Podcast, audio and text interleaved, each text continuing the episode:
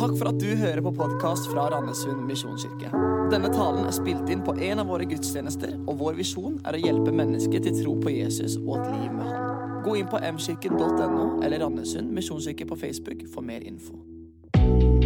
God søndag, alle sammen, og hjertelig velkommen til denne gudstjenesten på nett. Jeg har ikke spurt om lov til å gjøre dette, men jeg har lyst til å ønske en spesiell velkommen til alle dere fra Hånes misjonskirke. Det er altså da menigheten jeg er pastor for. Jeg savner dere, og jeg gleder meg til vi kan være sammen igjen sånn som vi pleier.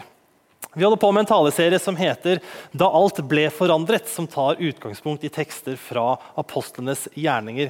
Og Dagens tekst den er lang, og det er bra. Fordi at Når vi har lengre tekststykker, så får vi med oss sammenhengende kontekst. og vi får, og vi får lese gjennom hele historier.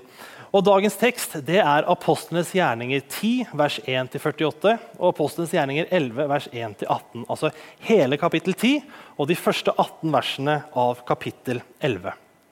Jeg skal ikke lese hele teksten, men du kan, siden dette er på nett, så kan du sette meg på pause og lese den selv. Men jeg kommer til å gi et overblikk over hva som skjer, sånn at vi alle sammen har samme utgangspunkt for det vi skal snakke om videre. Den store hendelsen i apostlenes gjerninger det er pinsedag. Du kan lese om den i kapittel 2. Det er dagen da de gammeltestamentlige profetiene og Jesus sine løfter ble oppfylt, da Den hellige ånd kom til alle de som trodde på Jesus. Og Siden den dagen så har Den hellige ånd, altså Gud selv, vært hos alle vi som tror på Jesus. Og Det er egentlig ganske spinnvilt. Og Fram til vår tekst begynner i kapittel 10, så har det gått ganske mange år. altså fra pinsedag til vår tekst begynner.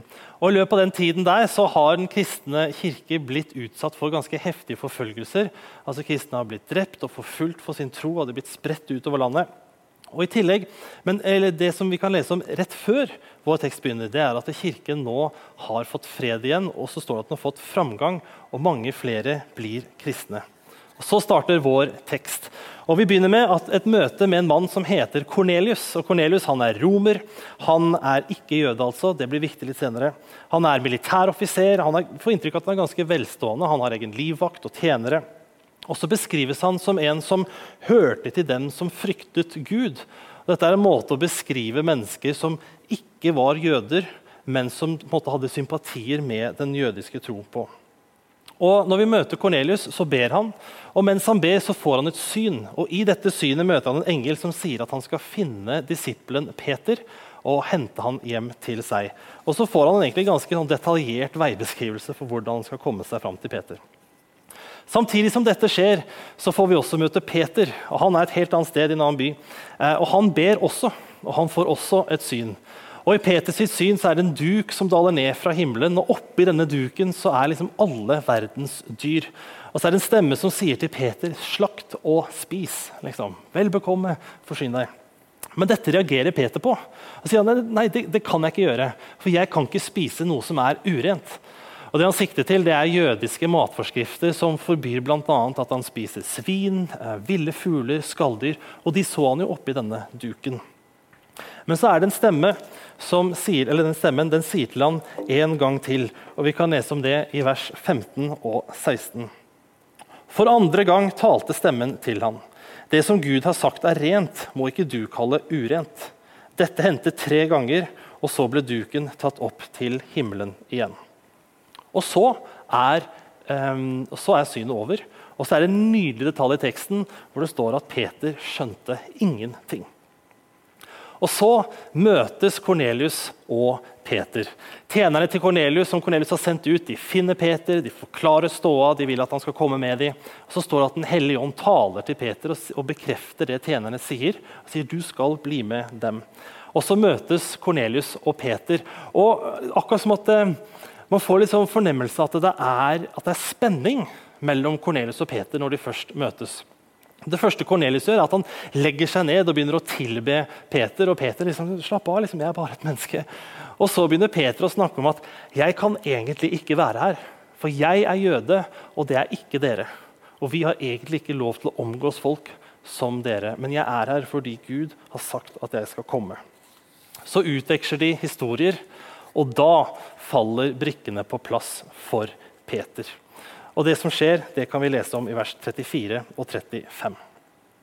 Da tok Peter til orde og sa, Nå forstår jeg virkelig at Gud ikke gjør forskjell på folk, men at han fra alle folkeslag tar imot hver den som frykter ham, og gjør det som er rett.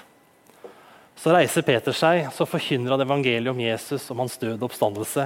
Og Kornelius og de som var sammen med ham, det hadde blitt en ganske stor gjeng nå, de tror på det, de tar det imot. Og så skjer det en reprise av pinsedag.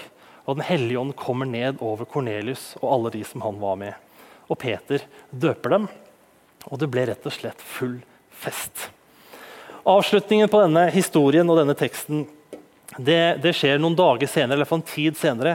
Peter han ble hos Kornelius noen dager til, og så reiste han videre. og Så kommer han til Jerusalem, liksom hovedbasen hans. Og Der møter han de andre, eller andre kristne jødiske ledere altså i Jerusalem. Og De stiller Peter til veggs. De lurer på hva, hva i verden er det du driver med. Henger du med sånne folk? Henger du med hedninger? Altså Spiser du sammen med de? Og Peter han forklarer hva det er som har skjedd. Og Hele fortellingen vår den avsluttes i eh, kapittel 11, vers 18. Og Der står det Da de hørte dette, altså da de kristne lederne hørte dette, slo de seg til ro, og de lovpriste Gud og sa:" Så har da Gud også latt hedningene få vende om til livet. Det er utrolig mye som skjer i denne teksten. Og disse hendelsene de gjør noe med Peter. Altså, de blir et veiskille for han og egentlig for hele kirken. Og Hans forståelse av hvem Gud er, og hvem evangeliet om Jesus er for, og hvordan Den hellige ånd handler, de blir kraftig utfordret. Og Vi skal se på tre av måtene denne teksten fremdeles er relevant i dag. Det første er at den forteller oss noe om hvem Gud er. For det andre så lærer denne teksten oss noe om ydmykhet.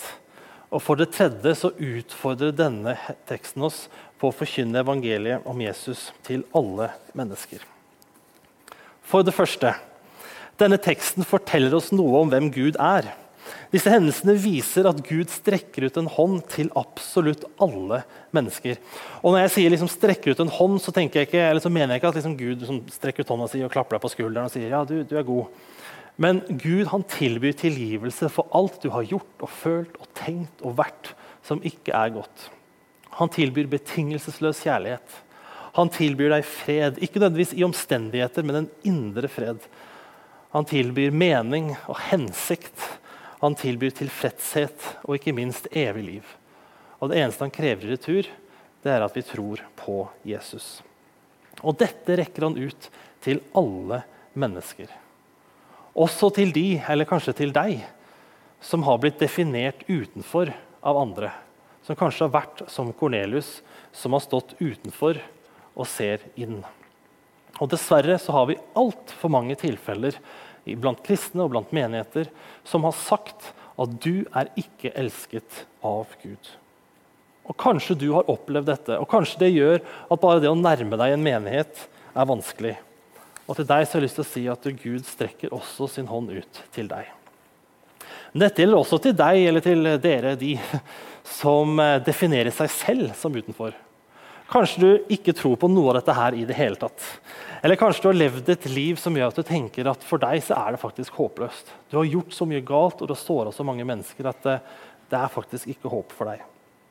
Eller kanskje du tenker om deg selv at du er ingenting verdt. Og kanskje du tenker at ingen kommer til å savne deg. Men Gud strekker ut sin hånd til dere òg, og han sier, 'Kom til meg, for jeg vil også være deres Gud'. Og Det er Guds største ønske. Og Det er derfor han blir menneske, det er derfor han gikk gjennom alt det han gikk gjennom. Derfor han døde og sto opp igjen. Det er derfor han strekker seg uendelig langt. For at alle mennesker skal bli kjent med han, og at det ikke skal være forbeholdt noen få. For det andre så lærer denne teksten oss noe om ydmykhet, som er minst like viktig i dag som det det var da. Peters forståelse av hvem Gud er, eh, hvem de gode nyhetene om Jesus var til for, og, og hvordan Den hellige ånd virket, de trengte korrigering. Eller kanskje veiledning er litt snillere ord. Ehm, det gjaldt også de kristne jødene som var sammen med Peter. alt dette skjedde. Eh, det står i teksten at eh, når Den hellige ånd kom over Kornelius, og de han var sammen med, så ble disse jødene de ble forskrekka, altså skikkelig provosert over at dette kunne skje med noen som ikke var jøder. Altså, Dette er jo vår Gud. Dette er jo vår ånd. Dette er det vi tror på. Hvem er liksom, Skal de òg inkluderes nå? Peter han trengte nemlig korrigering. da. Trengte veiledning. Og det ga Gud han. Han ga det i synet, selv om Peter ikke skjønte så mye av det med en gang. Han ga det også i hendelsene som skjedde sammen med han og Kornelius. Og måten Peter ikke Pøter meter, men Peter møter denne korrigeringen, denne veiledningen på, det er med ydmykhet.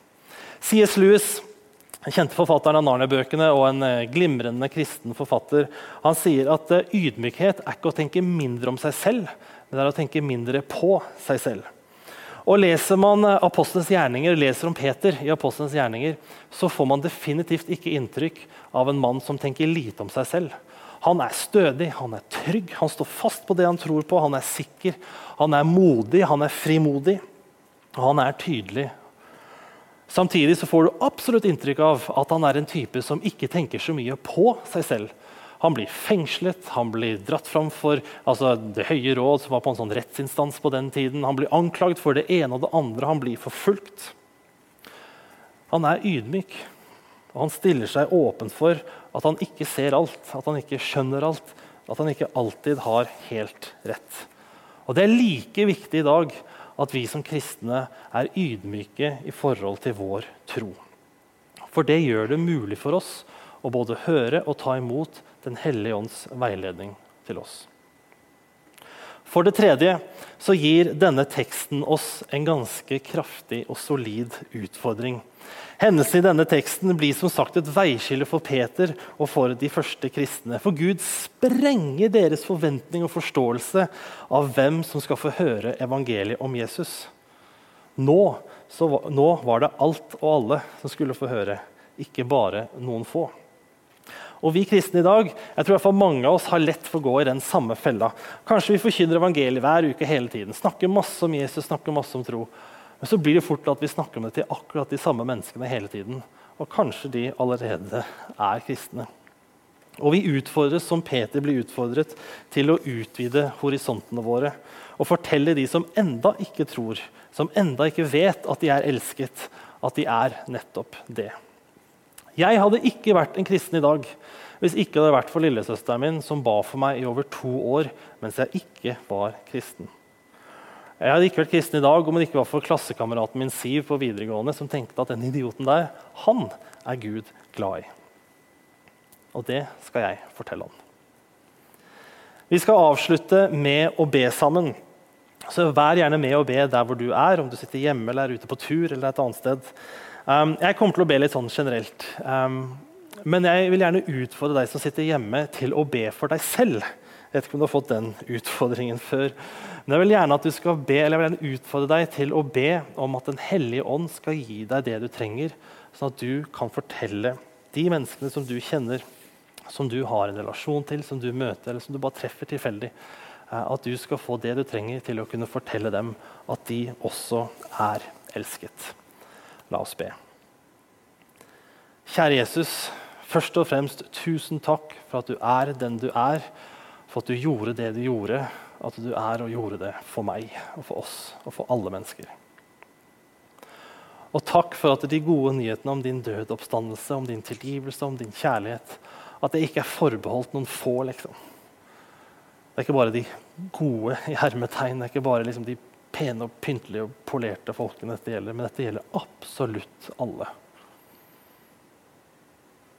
Og du ser her at eh, det kan være vanskelig noen ganger å fortelle andre om Jesus. Fortelle andre om deg. Det kan bli kleint. Um, jeg kan få kjenne på sjøl at jeg kan være redd for liksom, hva skjer med relasjonen vår nå. liksom? Kommer folk til å hate meg? Det er skummelt. Kommer folk til å mislike meg? Det er også skummelt. Blir jeg flau?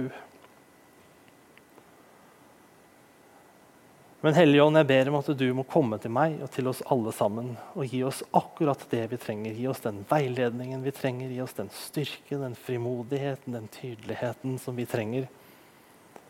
Den kraften og den kjærligheten som vi trenger til å fortelle alle mennesker om at du elsker dem. Jeg ber om din velsignelse over oss alle sammen. Amen.